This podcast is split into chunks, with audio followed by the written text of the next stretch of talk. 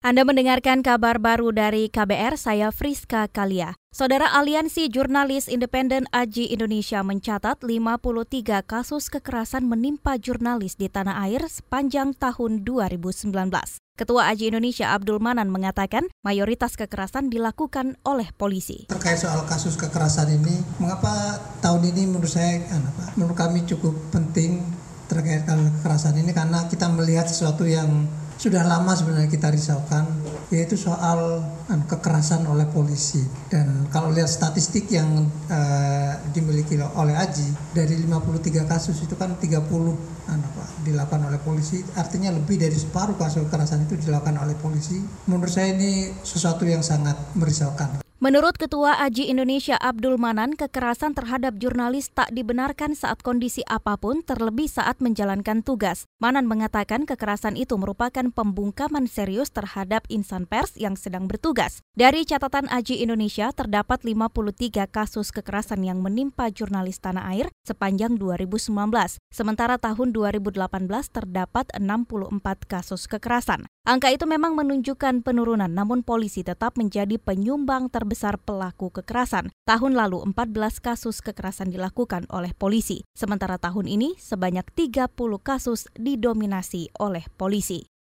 Beralih ke informasi lain, Direktorat Tindak Pidana Siber Bareskrim Mabes Polri mengungkap penipuan online yang beromset 200 juta per bulan. Kasubdit Tindak Pidana Siber Bareskrim Polri, Rikinaldo Chairul mengatakan pelaku menyebarkan SMS blasting yang mengatasnamakan PT Financial Digital Indonesia yang berisi pesan untuk menambahkan limit pinjaman sebesar 30 juta sampai 50 juta rupiah. Akun milik korban kemudian diambil alih oleh pelaku dan digunakan untuk melakukan pembelian pulsa pada beberapa toko online. Adapun modus yang dilakukan oleh para tersangka ini dengan cara mengirimkan SMS blasting. SMS blasting bisa kita lihat alat yang ada di depan, modem yang sekali pasang bisa begitu banyak. Begitu mereka melakukan blasting, bisa mengirimkan kepada satu alat itu aja, bisa mengirimkan ke 50 ribu nomor secara acak. Secara acak yang mana nomor-nomor tersebut tersebut mereka sudah dapatkan dari dark web maupun dari eh, sarana-sarana uh, internet yang lainnya. Saudara Rikinaldo Hairul menuturkan kepolisian juga bekerja sama dengan Pusat Pelaporan dan Analisis Transaksi Keuangan atau PPATK untuk mengusut kasus ini jika ada unsur tindak pidana pencucian uang. Rikinaldo menambahkan dari pengungkapan kasus ini, Ditsiber Bareskrim berhasil menangkap empat pelaku. Satu pelaku masih dalam pengejaran yang sudah masuk daftar pencarian orang.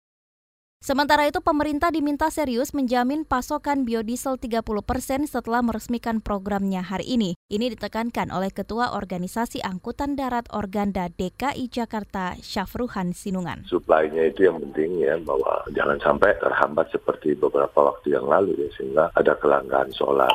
Ini masalah jaringan distribusinya saya pikir harus clear lah, tidak tidak mengganggu. Karena ini kan uh, konsumsinya bukan hanya kendaraan motor, jalan raya ya. Jadi konsumsi B30 juga itu bisa ya dikonsumsi oleh kapal-kapal feri itu. Saya pikir pemerintah harus sudah mengantisipasi lah, tidak lagi seperti zaman-zaman dulu ya, jadi jaringan distribusinya yang nggak beres. Gitu. Ketua Organisasi Angkutan Darat Organda DKI Jakarta, Syafruhan Sinungan mengatakan kerap ada hambatan teknis yang menyebabkan distribusi BBM terhambat. Oleh karena itu, pemerintah diharapkan sudah memiliki strategi untuk mengantisipasi permasalahan ini.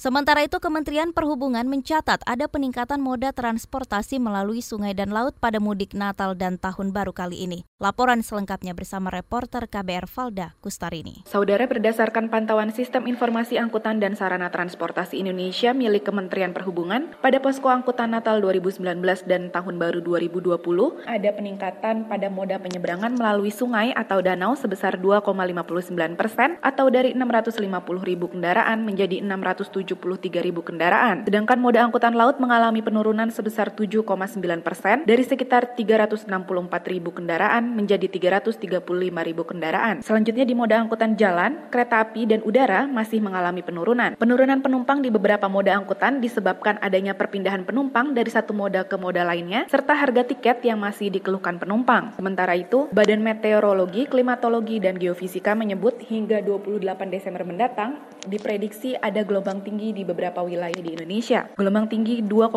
sampai 4 meter akan terjadi di perairan selatan Jawa Tengah hingga Sumbawa, Samudra Hindia Selatan Jawa Tengah hingga Sumba, dan Laut Natuna Utara. Dari Kementerian Perhubungan Medan Merdeka Barat Jakarta, Valda Kustarini, KBR. Demikian kabar baru dari KBR, saya Friska Kalia.